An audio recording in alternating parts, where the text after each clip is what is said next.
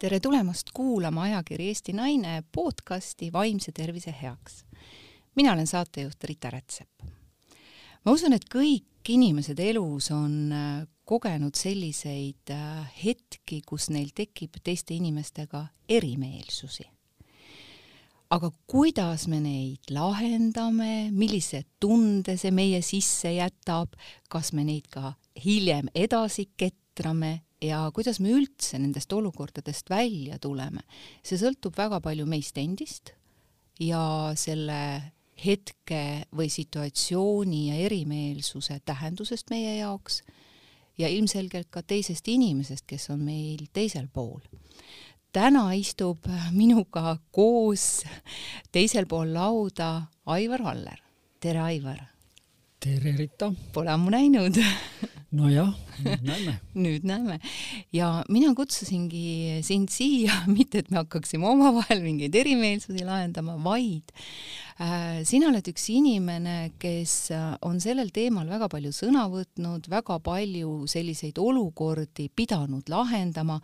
sa oled mentor, sa oled äh, inimene, kes on äh, sellistes olukordades spetsialist.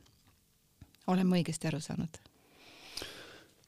noh, ehm, jah, ma, eks see, see on nagu niisugune väline pilt, et ma ise olen küll ka jah, püüdnud olla see inimene, kes ehm, rahumeelselt eh, olukordi lahendab. et mulle ei meeldi kaklus ja, ja et mu lapsepõlv ja niisugune kooliaeg oli piisavalt traumeeriv, et, et ma oma järgneva elu olen proovinud nendest kaklustest eemale jääda sellepärast ilmselt oskadki sa seda kõike nii hästi lahendada, et sa, sa oled seda kogenud oma elus. Mis ja. tähendavad erimeelsused ja mis tunde need jätavad enda sisse. tegelikult on ju täitsa normaalne, et meil tuleb ette vaidlusi, meil tuleb ette erimeelsusi ja, ja see on ju selge, et äh, tüli tuleb ikka sellest, et mõlemal poolel on õigus ja, ja me ei mõtlegi kõik samamoodi. mis asjad on üldse erimeelsused? mida see üldse tähendab, erimeelsus, me oleme erinevat meelt. mis see on? no selle, selle mõiste, see mõiste on kaheosaline, eks ju, et on, on meeled on seal mõistes sees ja siis on nagu erinevad või erisus. ja, ja see meelte kaudu erineval moel äh, tajumine sõltuvalt vaatenurgast, on siis see, mis tegelikult äh, nüüd annab äh, ainest äh, edasisele protsessile. et kui mõtleme korraks selle ringi lihtsalt läbi, et on, on vaatenurk, vaatenurk määrab ära taju, taju määrab ära uskumuse, uskumus määrab ära käitumise, käitumine toob endaga kaasa kas siis tulemuse või tagajärje, ütleme, nimetame seda sündmuseks. nüüd sealt edasi võiks, kui tahaks sellist äh, mõttemehaanikat järgida, siis ütleks, et nüüd äh, või mõistuse mehaanikat, siis, siis äh, edasi olekski nagu juba siis noh, kogemus, mis siis annab meile selle niinimetatud reaalsuse ja, ja jääme praegu selle ringi juurde, et kui me nüüd, kui meile see reaalsus ei meeldi, siis me võime tulla sealtpidi tagasi ja vaadata, et, et missugune kogemus selle reaalsuse lõi, milline sündmus ehk tulemus või tagajärg siis selle, selle kogemuse andis, missugune käitumine viis meid selle sündmuseni, milline uskumus meid niimoodi käituma pani ja milline taju meid eh, seda uskuma pani, eks ju, ja mis vaatenurk selle taju tekitas. ja kui me nüüd eh, oleme selle ringi edasi-tagasi läbi käinud ja saanud aru, eks ju, et mis, mis, mida me tegelikult tahame muuta, mis, eh, missugust reaalsust me sooviksime, siis me saame selle ringi peal niimoodi liikudes tegelikult päris hästi iseendaga juba tööd tegema hakata aga ma tooksin nagu tajudest ühe võib-olla sellise näite, klassikaline, ma tahaks seda natuke avardada, et äh, kui sa kujutad endale ette, eks ju, kolmnurka, sinna kõrvale nelinurka, siis tõmbad sinnasama kõrvale veel ühe nelinurga, aga ta ei ole nüüd tühi, vaid tal on rist sees nagu ümbrik, eks ju. Ja kui sa nüüd küsid, eks ju, inimeste käest, et aha, mis see on, et see on üks asi, üks objekt, millel on kolm erinevat vaadet siin. noh, sa ju tead, mis see on, eks ju, kõik teavad seda. Jah, ma tean, ma tean, sest me oleme seda Liivakella seminaril teinud ja ma kasutan seda oma koolitustel siiamaani.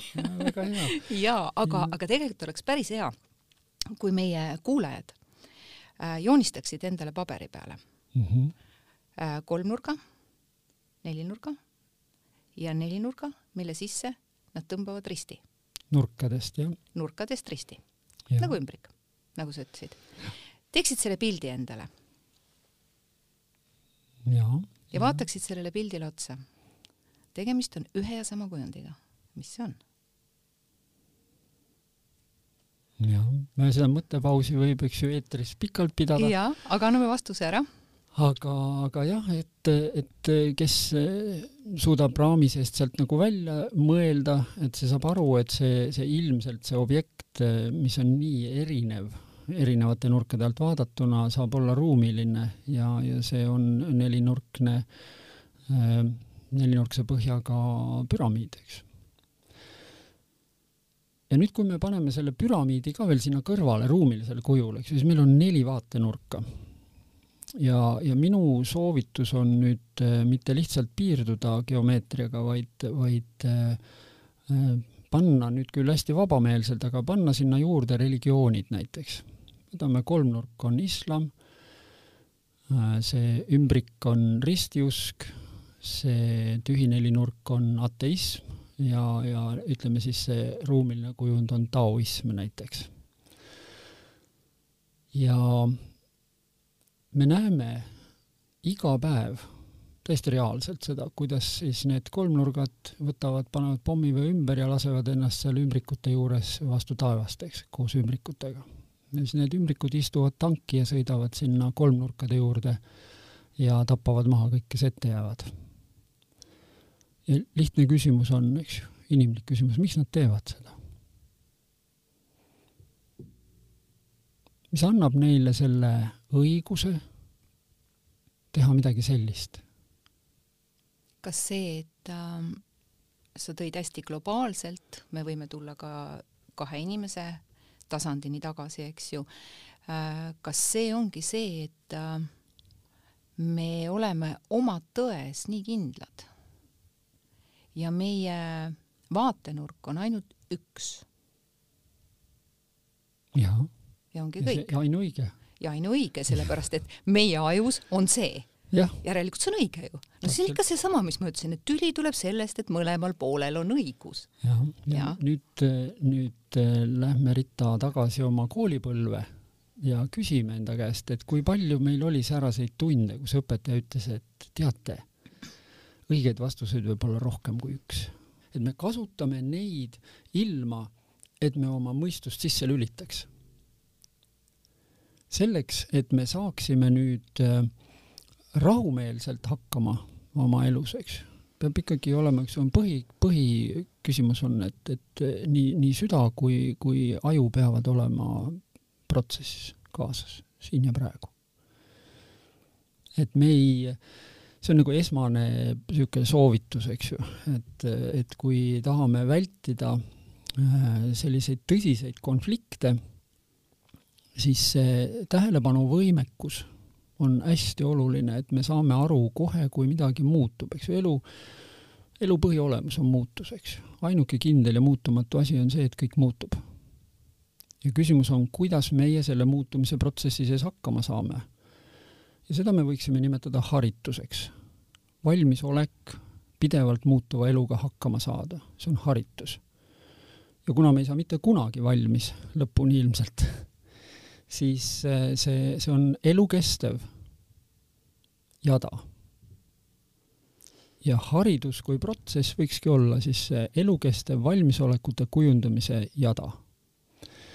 Ülo Vooglaid on, on sellise mõttemängu autor minu jaoks. ja, ja kui me nüüd mõtleme, et see, see valmisolek, et mi-, milleks me tegelikult peaksime olema siis valmis, et kui me, kui me räägime näiteks nüüd sellest konflikti kujunemisest, et nüüd ühe asja me saame nagu panna vist praegu teema juba nagu kõrvale. et mis on nagu erimeelsus eri...? ma korra veel täpsustan sinna juurde, et, et kas, kas me võime öelda, et erimeelsus võrdusmärgi panna vahele on jäikus ähm,? Jäikus on eeldus selleks, et erimeelsus võiks kujuneda konfliktiks, aga, aga kuna meie meeled on noh, ma julgen öelda, et planeedil on praegu ligi kaheksa miljardit erimeelset inimest. et me ikka tajume täiesti erinevalt. kõik, kui sul on mõni lähedane inimene, eks ju, kellega sa palju aega koos veedad, saad ju aru ikka, et et vaatate ühte ja sama asja ja saate nii erineva kogemuse sealt. et ikkagi see alateadvus kuhu me oleme kogunud lapsepõlvest peale, eks ju, me kõik tuleme oma lapsepõlvest, me ehitame oma elu üles oma lapsepõlvele ja, ja meie lapsepõlved on väga-väga erinevad. ja iseasi on veel see, et mida me oleme nüüd selle erisusega äh, peale hakanud, kui palju me oleme teadvustanud endale seda, et meil seal on laos asju, mis käivituvad kordades kiiremini, eks ju, et kui ma ennem ütlesin selle äh, sündmuse juurde jäime pidama, eks ju, see sündmus ehk tagajärg, et sealt tuleb tegelikult nüüd veel üks, üks niisugune loogika ringikene väike juurde, et, et kui me vaatame sündmust, siis me, reegel on see, et kui me reageerime, siis me läheme, võtame momentaalselt sekundi murdosaga, lähme võtame alateadvusest, korjame andmed mis on väga sarnased sellele sündmusele, mida me praegu kogeme. ja, ja me kujundame nendest andmetest informatsiooni ehk siis tõe. ja vot see tõde sünnitab nüüd mõtte. ja see mõte sünnitab emotsiooni. ja see kõik on tegelikult tunnetuslik, see päästik on tunne. absoluutselt, tähendab see, see, ütleme niimoodi, et see tegelikult ähm, ähm, võib-olla ütleme, et see ma ei, ma ei tahaks nagu liiga keeruliseks ajada praegu seda protsessi, me omavahel saame seda kindlasti sügavateks kihtideks jagada veel, aga äh, üldjoontes on see ikkagi see, et äh, kui me reageerime, siis me reageerime automaatselt. ja seal see, see isegi see nii-öelda tunde kontekst ei ole isegi noh, võib-olla nii oluline, sellepärast et äh, et noh, kui midagi käib nagu kõva pauk, on ju, siis see on nagu iga inimese puhul, see on inimlik, on ehmatada selle peale. ja see reaktsioon on automaatne, sekundi murdosaga ja sellele järgnevad nüüd kõik need asjad, mis on meie varasemas elus seotud sarnase kogemusega ja seepärast on, on, kui me nüüd seda teadvustame, eks ju, siis see, see loogika, mis siit edasi läheb, et, et see, see andmed, mida me sealt alateadvusest võtame, kujundame selle informatsiooniks ja nimetame seda tõeks. aga see on hästi kiire protsess, eks ju, nüüd see on tõde selle kohta, et, et, et nüüd, nüüd järgneb, eks ju, ma tean juba mida, eks ju. ja, ja see, see mõte on, on nüüd see, mis meile selle kinnituse annab, et see on nüüd see. ja siis tuleb emotsioon ja kui me mõtet saame veel kontrollida tegelikult ja ma kohe seletan, kuidas, eks ju, siis, siis seda emotsiooni ei ole enam võimalik kontrollida. emotsioon on kontrollimatu, seda me teame kõik, eks. ja vot see emotsioon on nüüd siis see kogemus, mis siis tegelikult loob meie reaalsuse. et see oli nüüd see väike vahelüli, mis oli puudu sündmuse ja kogemuse vahelt, eks ju. ja, ja kui me nüüd tahame eh, olukorda muuta, siis üks asi on muuta vaatenurka, aga teine, vähemalt sama oluline asi, on mitte reageerida, vaid olla siin kohal ja luua täiesti uus reaalsus. ja vot see loomingulisus on, on see, mida, mida tegelikult äh, peaks meie haridussüsteem meie lastes looma, kujundama eeldusi selleks ja, ja, ja see äh, kuna me teame, et, et ähm, arengu eeldus on siis see, see selline loominguvabadus, mis eeldab eksimise hirmu puudumist, siis me saame väga hästi aru, et, et see koolisüsteem, kust meie tuleme, on üles ehitatud sellele, et, et anda ühtesid õigeid vastuseid, kujundada siis kunagi, eks ju, sellist Nõukogude inimest kaks pluss kaks on neli, mitte neli pluss neli on kaks. Ja, ja, ja, ja siis äh, teine, teine variant on, eks ju, nüüd täna oleme siis äh, ühes teises riigis, mis on meie vabariik, meie oma riik, eks ju, ja, ja nüüd meil on nagu väga oluline jälgida, et, et, et mis me siin siis oma haridussüsteemis teeme. Ja see on nüüd küll niisugune pikem omaette teema, aga, aga ma täna julgen küll öelda, et ma, ma ei ole enam nii maru pahane selle süsteemi peale, sest ma tean, et see süsteemi eneseteadlikkus kujuneb ainult äh, sammhaaval läbi iga ärganud õpetaja ja, ja lapsevanema ja koolijuhi. aga kunagi jah, ma olin, olin päris tige ja, ja, ja urisesin ja torkisin seda süsteemi ja ja tekitasin enam... vastureaktsiooni sa ei ole enam oma erimeelsuses sedavõrd palju jäik. Jaa, jah. et me ikkagi võime öelda, et erimeelsus on teatud tüüpi jäikus, et erimeelsus kui niisugune on täiesti normaalne.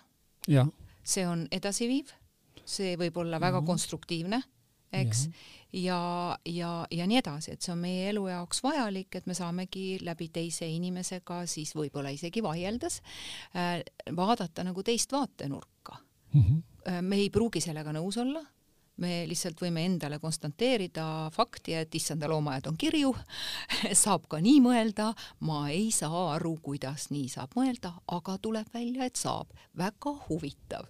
ja siis me saamegi öelda teisele inimesele, et väga huvitav vaatenurk, palun tutvusta mulle.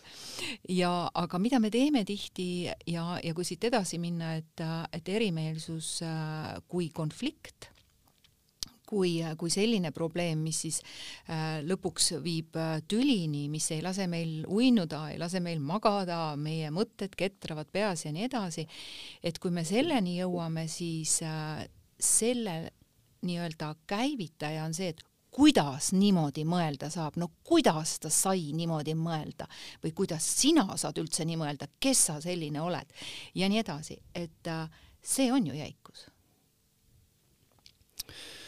see on nüüd alateadlik mõttemuster, mis on, mis on selle peenemalt välja. ja, ja ka seda, see on, see on nagu kinnijäämine sellesse, jäigalt sellesse mõttemustrisse, et sul on õigus, ma olen sinuga Me... päris nõu. okei okay,, aitäh.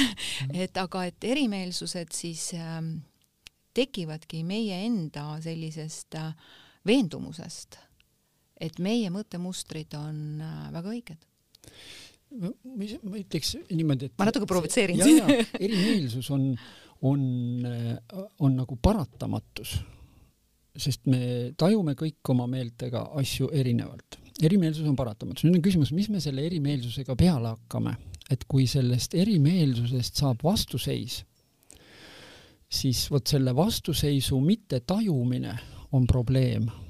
aga taas jälle, eks ju, et haridussüsteem peaks õpetama äh, meie lapsi nagu detektoreid tajuma seda, mis väljas toimub ja mis toimub sees. ma olen jälginud nüüd kuskil kakskümmend aastat, kaheksateist aastat siis seda, mismoodi toimuvad protsessid sellistel globaalsetel makrotasanditel ja, ja äh, OECD ehk maailma võimsam majandusorganisatsioon, mis siis alustas enam-vähem sel ajal ka äh, haridusuuringutega, sest äh, noh, majandusorganisatsioon peab tagama omale tööjõu. Ja, ja seal on nagu omad, eks ju, nii-öelda äh, ohukohad, mis on seotud sellega, et, et meie lapsi, meie lastest tahetakse kellegi tehasesse mutreid teha aga samas on seal olemas ka väga head äh, võimalused, sest needsamad OECD teadlased, kes tegelevad PISA testidega, eks ju, on ka tegelikult äh, ja nende kolleegid, eks ju, siis teevad prognoose äh, umbes sellise kümne-kaheteist aasta jagu ette.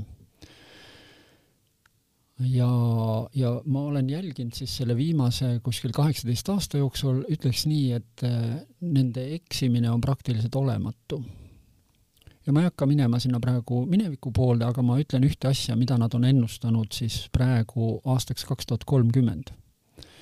kaks tuhat kolmkümmend äh, kõige olulisem oskus nii tööturul kui ka koolipingis on üks ja sama oskus. ja see on empaatia. See on uskumatu, eks ju, et majandusorganisatsioon tuleb välja sellise avaldusega kes tahab vaadata järgi, siis see on OSCDE ja twenty, kaks tuhat kolmkümmend skills. et lööge see lihtsalt sisse internetti ja te saate juba kas siis lühidokumendi või viite selle juurde.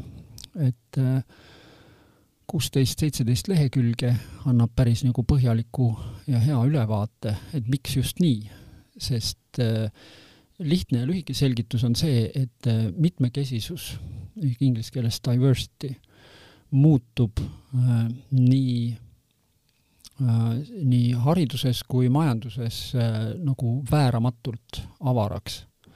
ja, ja kui seal vahel nüüd ei ole, ei eksisteeri empaatiat, siis äh,, siis me oleme põrgus mul tekkis sellega paralleelselt selline äh, mõttekäik, äh, mis on evolutsioon. et kui, kui me kunagi, meil oli see nii-öelda reptiilaju, mis, mis juhtis siis meie ellujäämist, et üldse elus püsida, elus olla, järglasi edasi kanda ja, ja nii edasi, siis aju ju arenes sellest äh, ajutüvest äh, ajukoore poole. ajukoor äh, reguleerib siis meil tolerantsi, empaatiavõimet, koostööd, kõike seda. ja seda ei ole iseenesest ju ellujäämiseks vaja. seda on vaja koostööks ja siin maailmas üldse toimetamiseks.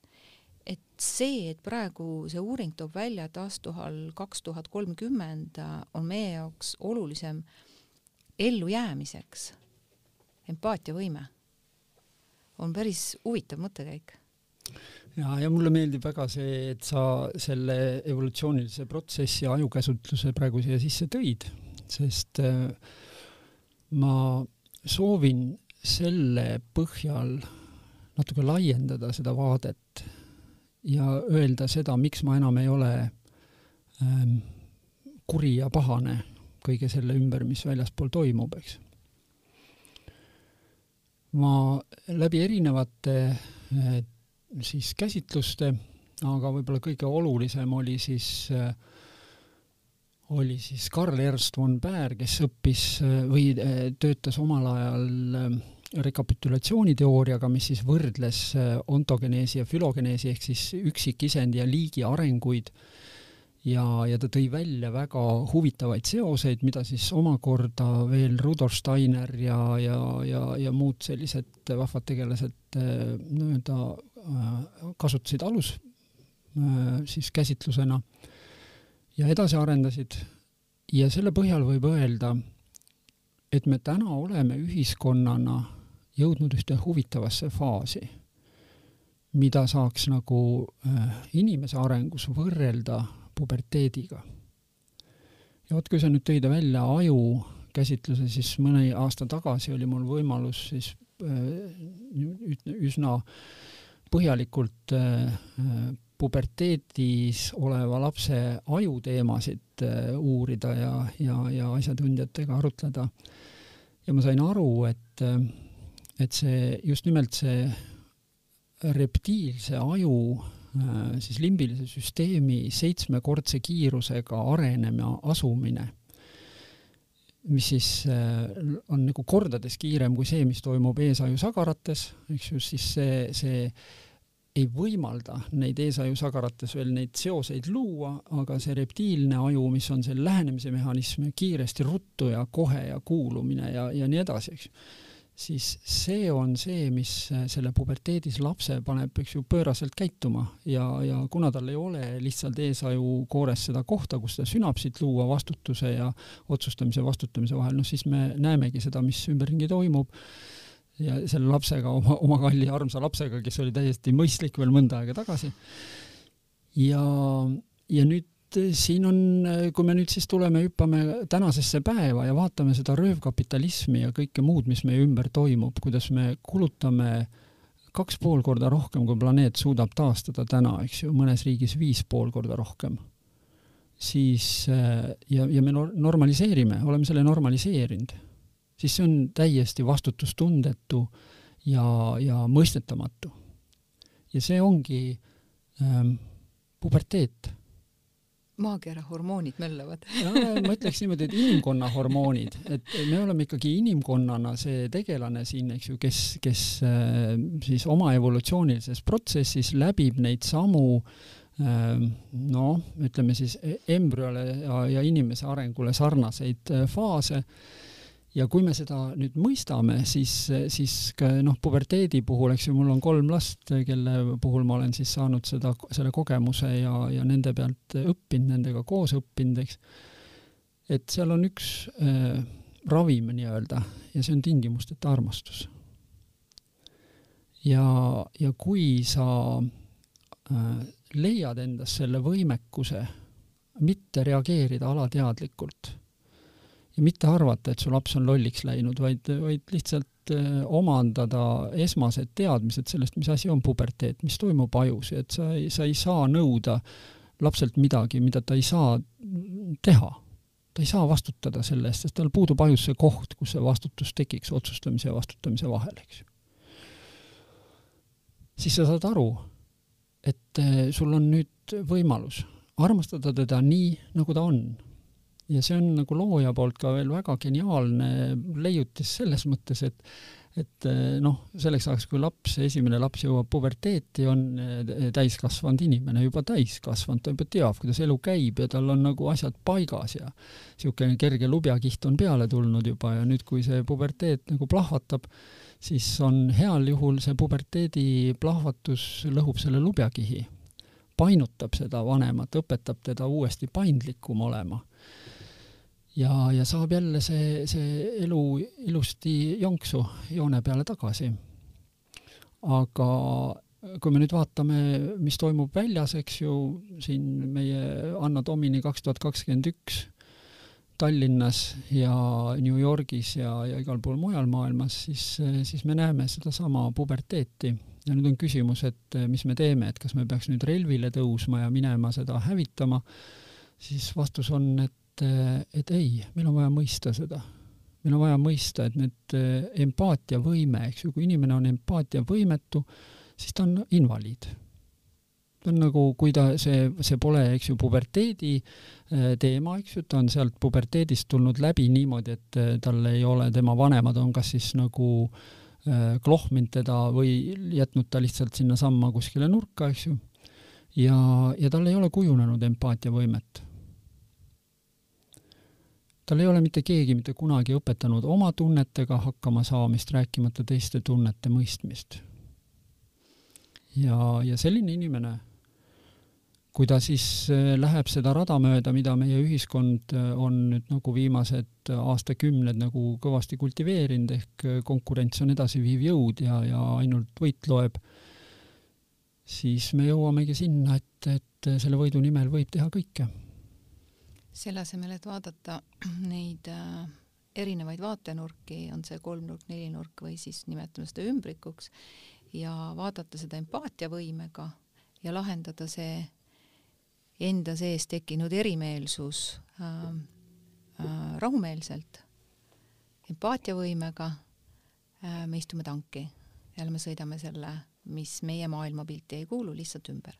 et sellise suure ringiga globaalselt äh, neid asju lahti seletades me jõuame tegelikult tagasi üksikisikuni. sellest äh, saab kõik alguse. absoluutselt, absoluutselt ja, ja seesama teadlikkus iseenda tunnetest, äh, oma piiratusest, oma, oma vaatenurga piiratusest, et kas ma istun näoga akna poole, on üks vaatenurk või ma istun näoga ukse poole, on teine vaatenurk ja, ja kõik muud sellised asjad sinna juurde kõige lihtsamal tasandil, et kuidas, kuidas siis jõuda sellest äh, reaktsioonist selle tundeni ehk tagurpidi käia. siin on üks oluline komponent ja see komponent on on aeg, mis on iseenesest fiktsioon, aga nüüd on küsimus, kuidas seda aega kasutada. Ja, ja minul on üks hea soovitus, aega võiks kasutada kuulamiseks.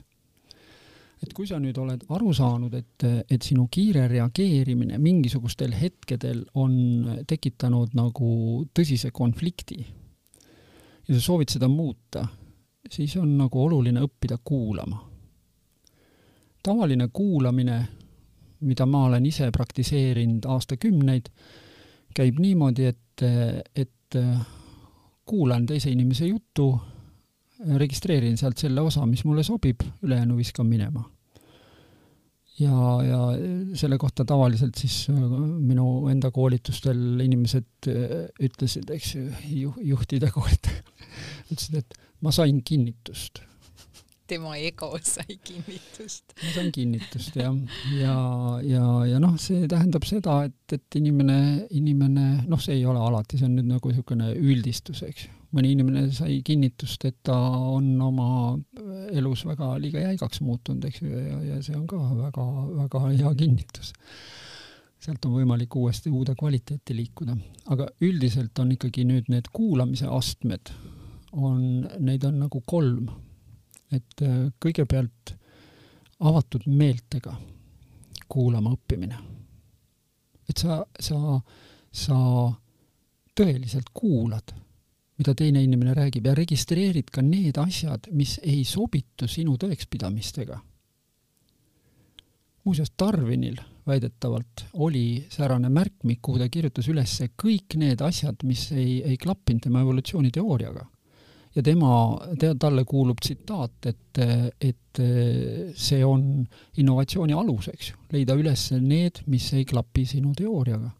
see ongi innovatsiooni alus. teine kuulamise viis on avatud südamega. ja see on empaatiline. see tähendab, et sa, sa mitte lihtsalt ei registreeri enam seda, mis on ka nii-öelda teistmoodi ja ei, ei, ei hakka seda mõtestama, eks ju, vaid nüüd sa tunnetad, sa, sa püüad aru saada, mida see teine inimene praegu tunneb, kes räägib seda, mida ta räägib. mis on temaga juhtunud, eks ju. ja nüüd see kolmas ja kõige ägedam, äh, mida siis nimetatakse generatiivseks mõtlemiseks, see on siis põhimõtteliselt et äh, lisaks sellele empaatiale nüüd on see, et sa koos selle inimesega suheldes, teda kuulates ja aidates tal avaneda, avaned ka ise järjest rohkem. Ja, ja tekib ruum, kuhu saab luua uue tulevikupildi kus on, tekib, me võime seda nimetada, eks ju, loominguliseks palanguks, eks ju, kus kaks inimest korraga saavad aru, et nad loovad midagi, mis on täiesti uskumatult võimas, et millele, mida ennem ei ole olnud, eks. ja mõne inimese jaoks on see tema tulevikukuvand selline, ta pole mitte kunagi mõelnud selle peale, et see võiks kuidagi niimoodi olla. kui inimene on harjunud ohvri rollis olema aastakümneid ja siis korraga avaneb talle üks täiesti teine pilt ta saabki aru, et ta on vaadanud elu ühe vaatenurga alt, ta on reageerinud terve oma elu. ja kui ta saab aru, et ta ei ole tegelikult teinud midagi valesti, et see ongi olnud tema võimetes selle hetkeni ja nüüd korraga, eks ju, tal oli vaja see rada läbi käia selleks, et saada kõik need kogemused. ja vot sellistest inimestest saavad erakordselt head õpetajad.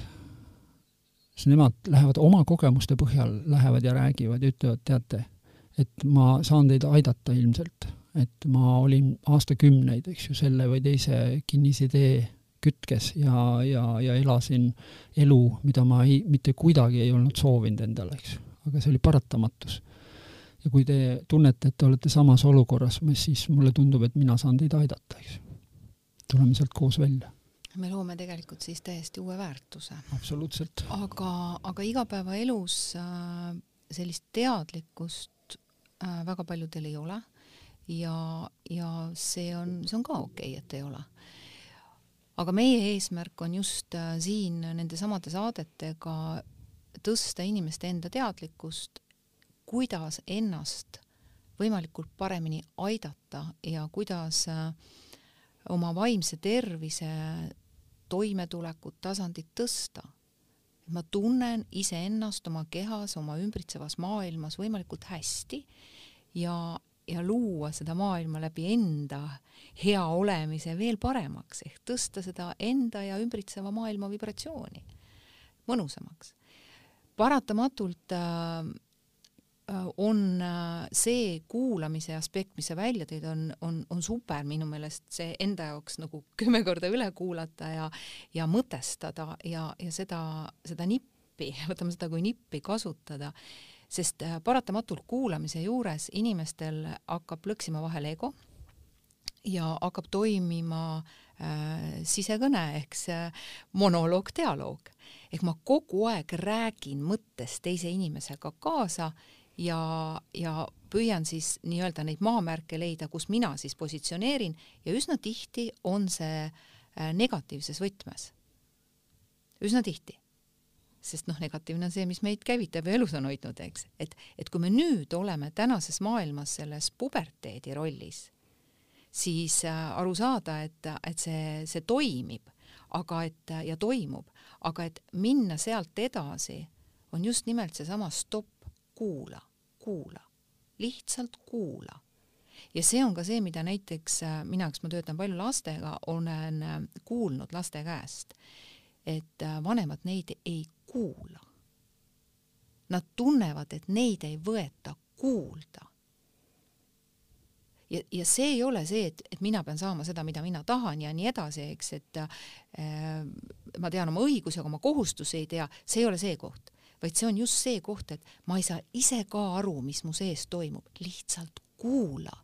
sest et kui mina räägin, hakkan mina ka ise paremini aru saama, mida ma tunnen mm. -hmm.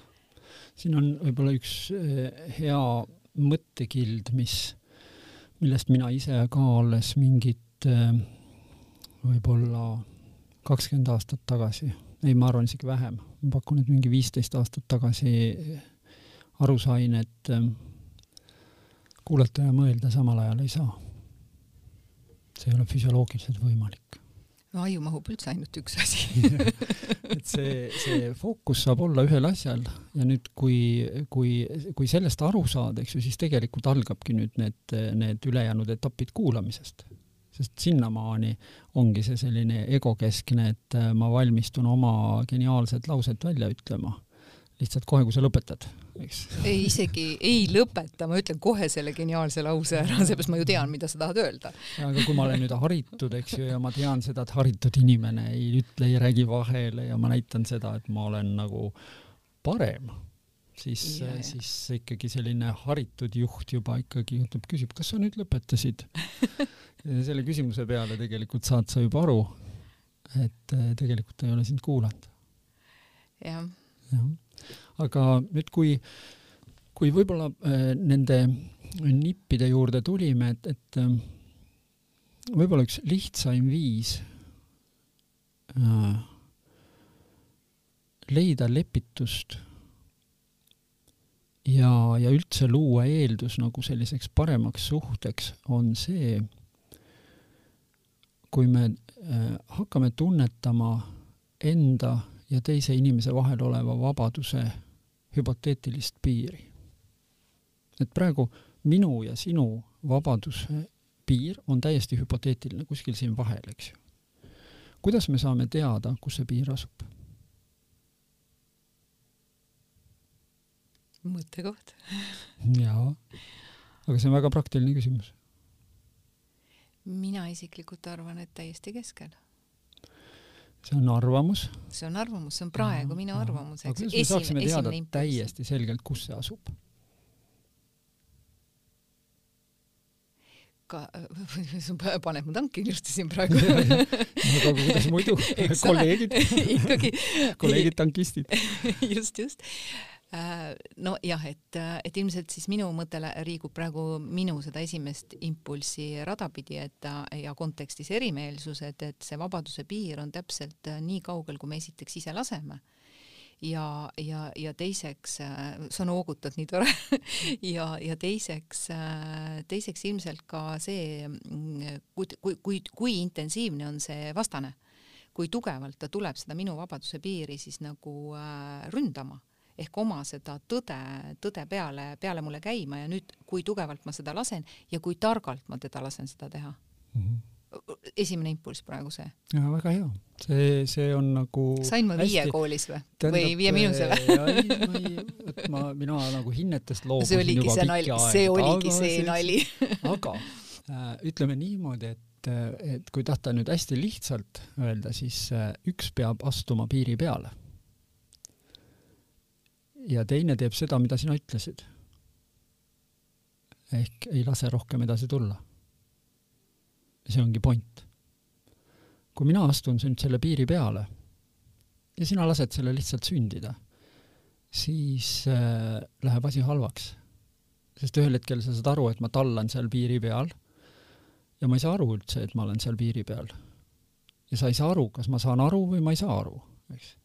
et see suur teadmatus mõlemal poolel. absoluutselt. ja nüüd, kui sa ütled stopp, siis ma saan aru, et nüüd oota, midagi juhtus, ma küsin, mis, sa ütled, sa astusid praegu mu piiri peale. ja siis ma ütlen sulle vabandust, ma ei tahtnud seda teha. aga nüüd ma tean, kus see piir on. aitäh, et sa ütlesid. ja see ongi point. aga kui ma olen lasknud kogu aeg kedagi seda piiri kombata. Järjest lähemale, lähemale, intensiivsemaks, intensiivsemaks. Ja ühel hetkel siis, kui mul on juba sisuliselt hapnik otsas, ütlen ma stopp, stopp, siis see teine inimene ei pruugi öelda vabandust, vaid ma ise olen teda lubanud niimoodi endaga käituda. ja ta, teda ei huvita see, mis mõttes stopp jah, aga nüüd ongi see, et kui me paneme äh, räägime asjast, sellistest asjadest, siis minul on nagu äh, tavaliselt äh, praktikuna on niisugune ettepanek alati rääkida ainult väga konkreetsetest juhtumitest, eks. ja, ja see ei ole see koht, mida, mida me saaks ja mida me saaks praegu teha, eks ju. aga see on hüpotees, eks ju, ja mina jälle julgen öelda, et et olles aidanud äh, aidanud mentorina kolmkümmend aastat inimesi, ma, ma äh, nendes ikkagi päris case ides me leiame suhteliselt kiiresti üles selle koha, kus nüüd tegelikult asi rajalt maha läks. ja nüüd, kui inimene, eks ju, on sattunud olukorda ja, ja need on, ei olegi nii harvad, eks ju, kus tegelikult ka enam teine ei pidurda, sellepärast et tal on lastud kogu aeg, eks ju, üle tulla. see on nagu perevägivalla ma olen andnud tegelikult näide. ise loa. jah täpselt ja, ja nüüd on nagu küsimus, et, et mis on nagu kõige rajum, mis seal tekib, on see, et see inimene hakkab, hakkabki ennast ühel hetkel süüdistama, et ma ise andsin loa. aga see ei ole see, kui sa saad aru, et sa oled andnud loa, siis järgmine asi ongi sul tegelikult ikkagi, sa saad igal hetkel kehtestada ennast, öelda stopp, et nüüd siia lõpeb see. ja, ja, ja kui siis ei lõppe, siis on vaja välist abi, sellepärast et see konflikt on läinud nüüd juba äh, klaasli eskalatsiooni äh, rada, tal on nüüd üheksa astet, eks ju, et kolmanda astmeni on võimalik inimestel omavahel seda veel äh, lahendada. aga, aga säärane, kus juba füüsiline vägivald on, see on juba seitsmes-kaheksas, üheksas aste, seal aitab ainult väline abi. seal ei ole mitte mingit varianti ka, et sa saaksid oma jõududega hakkama. ja, ja mina julgustan inimesi tulema välja sellest, sellest äh, ohvriseisundist ja, ja ma tean, seal on alati miljon põhjust ja seal on enamasti tuuakse need põhjused lapsed, et lapsed saaksid olla, saaksid nagu mingisuguse kindluse ja, ja ma julgen öelda, et äh, ma olen ise säärasest perest laps ja, ja ma ütleks, et see on nagu kõige destruktiivsem, mida saab teha. on, on jätta püsima suhe, kus lapsed näevad, et see ei tööta ja, ja olla siis äh, seal ohvri rollis. et sellest on vaja kindlasti välja tulla.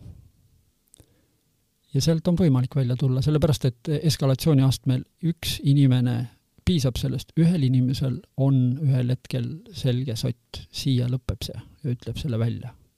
siin on kõik. ja nüüd, eks ju, need hüpoteesid, et lüüakse maha ja nii edasi, noh, ma tean inimesi, kes on, kes on selle peale saanud nagu korraliku keretäie peksa ja, ja, ja reanimatsiooni ja nii edasi. kui me oleme pärast analüüsinud seda olukorda, siis nad on ka öelnud välja seda, et see stopp oli mitte enam, see ei olnud enam lihtsalt stopp, eks ju, et see oli, see oli nagu vasturünnak. ja, ja rünnak tähendab ikkagi sõda, eks ju. Et äh, kui sa oled nutikas naine või ka mees, siis sa ju lihtsalt leiad selle lahenduse nii, et sa rohkem vägivalda esile ei kutsu. ja need, kes arvavad, et seda ei ole võimalik teha, neil ma soovitan veel korra arvata. on küll ja kui kellelgi on nagu kaasusi, kus ta on olnud selle sees või on praegu, eks ju, ja tunneb, et tal ei ole äh, võimalusi, siis äh, ma arvan, et siis võiks, võiks pöörduda või ta peaks kindlasti pöörduma välisabi poole.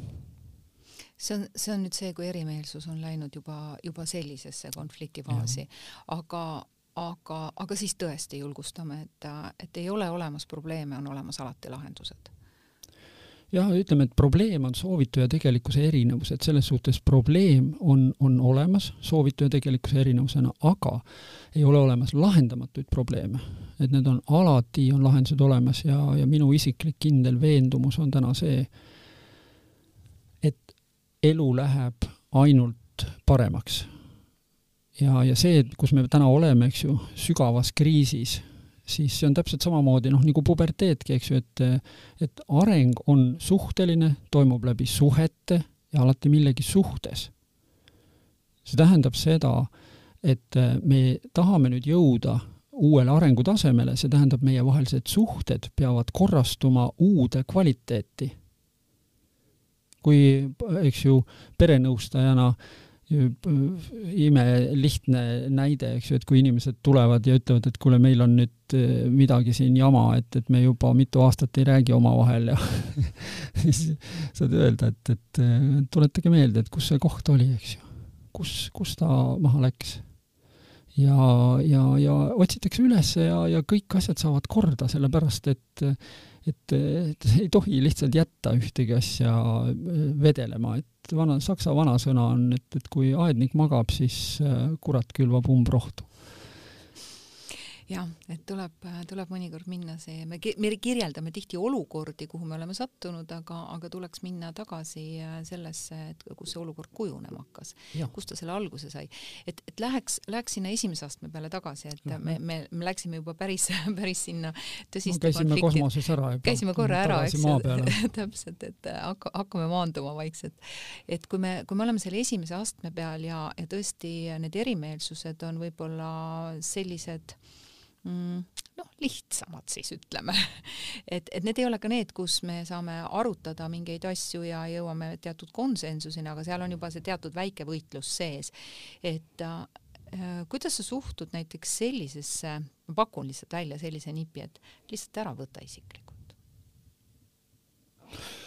ma, ma ei, vot see on nagu selles ma, mõttes ja, ja see on, see on, see on äh, asi, mida ma olen ise äh, õpetanud inimestele ja, ja täna ma vaatan sellele nagu sellisel moel, et, et kui inimene ei võta isiklikult, siis tal on väga raske enese jaoks positsioneerida seda, mis väljas toimub. kui see puudutab teda, eks ju, siis ta ikkagi peab võtma isiklikult. ainult et nüüd on küsimus, et kui ta võtab seda isiklikult, siis see tähendab seda, et ta laseb enda sisse teatud negatiivse impulsi.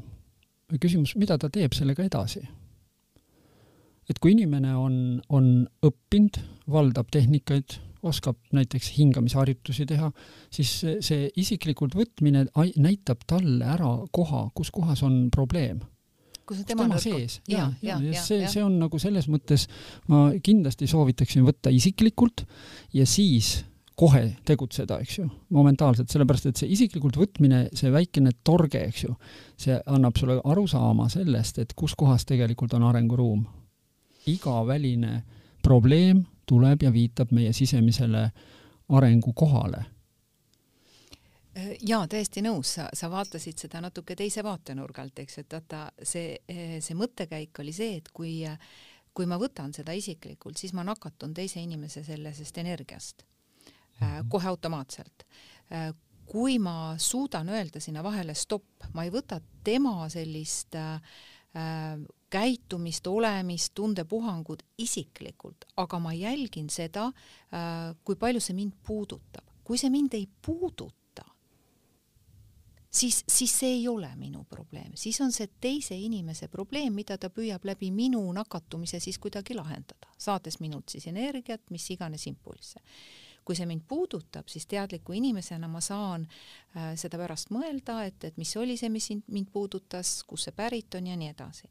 aga kõige lihtsam, ma lihtsalt mõtlesin praegu, et mitte nii sügavale minna, vaid kõige mhm. lihtsam, et esimese reaktsioonina mitte võtta isiklikult. see analüüs võib tulla pärast Mm -hmm. aga et mitte koheselt nakatuda teise inimese energiast, hakata ennast õigustama, midagi tõestama ja nii edasi, sellepärast et, et see iseenesest minu meelest ei vii nagu kuhugi sest et siis me hakkame seda palli veeretama, see pall kasvab meie vahel, see konfliktipall võib juba konfliktiks, eks ju, minna, see erimeelsus kasvab nii suureks, et me oleme seal taga ja me enam üldse ei mäleta, millest see alguse sai.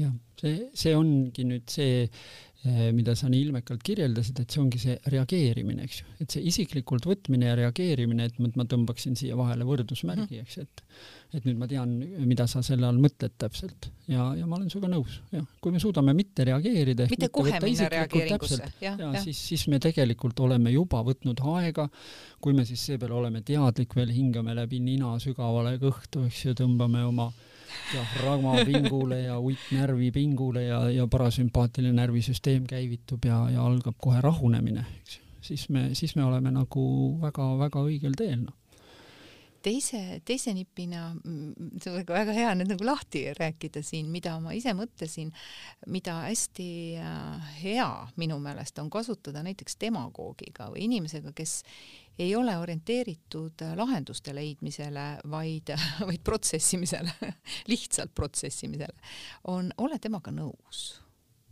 sa lihtsalt võtad tal relvad käest ära. see on, see on nagu natukene sellise läbirääkimismeetodite juures see hamburgeri meetod, et sai liha sai, eks ju.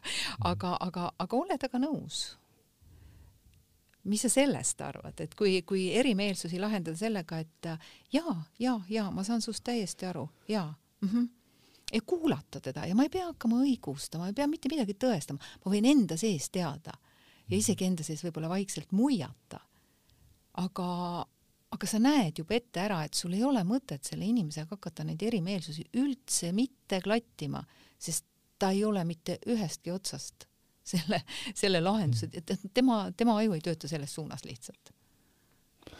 jah, no vot see on nüüd, nüüd sa kirjeldad nagu teadlikku inimest kes eh, suudab teadlikult jääda rahulikuks, jälgida kriitilist protsessi ja positsioneerida ennast niimoodi, et ta ei tekita rohkem tüli, eks ju, sest ta saab aru, et, et kui ta eh, õli tulle valab juurde, siis, eh, siis on sõda. ja minul, mulle õpetas mu üks hea õpetaja sellise nipi, mida ma olen nagu mitmeid kordi saanud kasutada ähm, ühel, ühel äh, konverentsil, mis oli sellist teaduslikku laadi, äh, mina ühe oma õpetaja mahitusel siis läksin sinna tarka juttu välja ajama suust, äh, olles ise tegelikult selles valdkonnas täiesti selgelt profaan, isegi mitte diletant, aga noh, huviline vähemasti. ja, ja, ja minu ettekande keskel tõusis saalis püsti siis naaberriigist äh, noor teadlane ja ütles, et see on täielik ketserlus, mis ma seal teen. täiesti avalikult saalitäie inimeste ees. ja, ja ma olin niisugune jahmunud täiesti. aga ma olin õnneks just äh, mõni, mingi, mingi kuu-kaks varem olime just arutanud seda teemat ja, ja, ja ma sain ta käest küsida. sain ta käest küsida, eesti keeles see võiks kõlada niimoodi, et äh, aita mul, ma, ma kutsusin ta sinna natukene, palusin ta lähemale sinna lava juurde ja siis kükitasin maha, nii et me vaatasime temaga silmast silma ja ma ütlesin, et, et aita mul aru saada, et mis teeb sulle nii palju haiget. et sa selle valu leevendamiseks pead praegu õigeks mulle haiget teha. ja ta vaatas mulle otsa sügavalt silma ja siis ütles vabandust ja siis lahkus. Läks oma kohale tagasi, eks. Ja seal afterparty'l siis ta tuli mu juurde ja küsis, et ütles, et tead, see oli nagu parim küsimus, mida mu käest kunagi on küsitud. kas sa tahad vastust ka ja ma ütlesin, et tahan küll. siis ta ütles, et tead äh,, ma olen nagu äh, doktorant ja, ja ma olen selle ala, alaga, selle asjaga tegelenud viisteist aastat, mida sa siin praegu lava peal õilmitsesid, eks. ja, ja nüüd praegu sina, täielik profaan, eks ju, ta, ta nimetas mind diletandiks, eks ju, sina tuled ja, ja viskad välja need tõed, eks ju, millega mina olen viisteist aastat tööd teinud. Ja see ja, ja, ja ütles, et see tegigi mulle haiget, eks ju. me oleme temaga siiamaani head sõbrad ja, ja, ja meil on nagu suurepärane üksteise mõistmine. Ja, ja see olukord, mis oleks võinud olla nagu väga piinlik, kujunes nagu erakordselt õpetlikuks ja, ja muuseas, kuna mul oli, ma unustasin ära, et mul oli see krae mikker, et siis ma tegelikult inimesed saalis kuulsid ka, mis ma küsisin ja tegelikult nad plaksutasid isegi selle peale, nii et et äh, ja seda enam lõpus siis seal ka oma seal jagasime teistele inimestele, et noh, et mis siis tegelik probleemi põhjus oli ja ma tunnistasin, et ma olen tõesti, ma olen äh, profaan, noh. ma ei, ma tulin väljakule, kus ma, kuhu ma tegelikult oleks pidanud tulema. ja ma lubasin, et ma enam mitte kunagi ei tee seda sellisel moel ma, ma usun, et, et see väike näide siia, siia meie, meie vestluse lõppu on, on väga hea selline väga-väga hea näide. Äh, ja, ja ma tooks siia selle aspekti veel juurde, et, et kui, kui keegi astub meile varba peale ja me röögatame valust, siis tasub vaadata, mis tegi mulle haiget, minu varvas sai haiget. et, et tihti ka erimeelsuste puhul on see, et tasub vaadata kõigepealt iseenda sisse et mis on see, mis, mis minus üles ärkas, miks ma pean ennast hakkama õigustama, miks ma pean hakkama tõestama, miks ma pean hakkama teist maha tegema, miks ma pean teda ründama, et mis asi see on, et kõik saab äh, siin globaalsel tasandil alguse üksikisikust ja, ja ka igasuguses suhtes, ka üks-ühele suhtes saab ikkagi kõik alguse meist endast. ja, ja võib-olla see, see mõte, kogu selle saate mõte on, et jõuda, jõuda sellesse punkti, et äh, kas siis teadliku äh, vestluse kaudu, äh, teadliku kuulamise kaudu jõuda, jõuda selleni, et ennetada konflikte juba eos ja, ja jõuda sellesse faasi, kus mõlemad võidavad. vot nii võiks selle lõpetada. jaa, suurepärane. ma tänan südamest, et sa mind kutsusid ja et me saime nüüd sellise jutu siin kahekesti kokku veeretada mina tänan sind südamest, Aivar, et sa tulid ja meiega kõike seda jagasid ja ma tänan südamest kõiki kuulajaid, kes, kes kuulasid meid ja kaasa mõtlesid ja võib-olla ka kaasa midagi võtsid siit, ma väga loodan. sest ilmselt see on, see on see saade, mida tuleb kuulata mitu korda. aitäh kõigile! aitäh!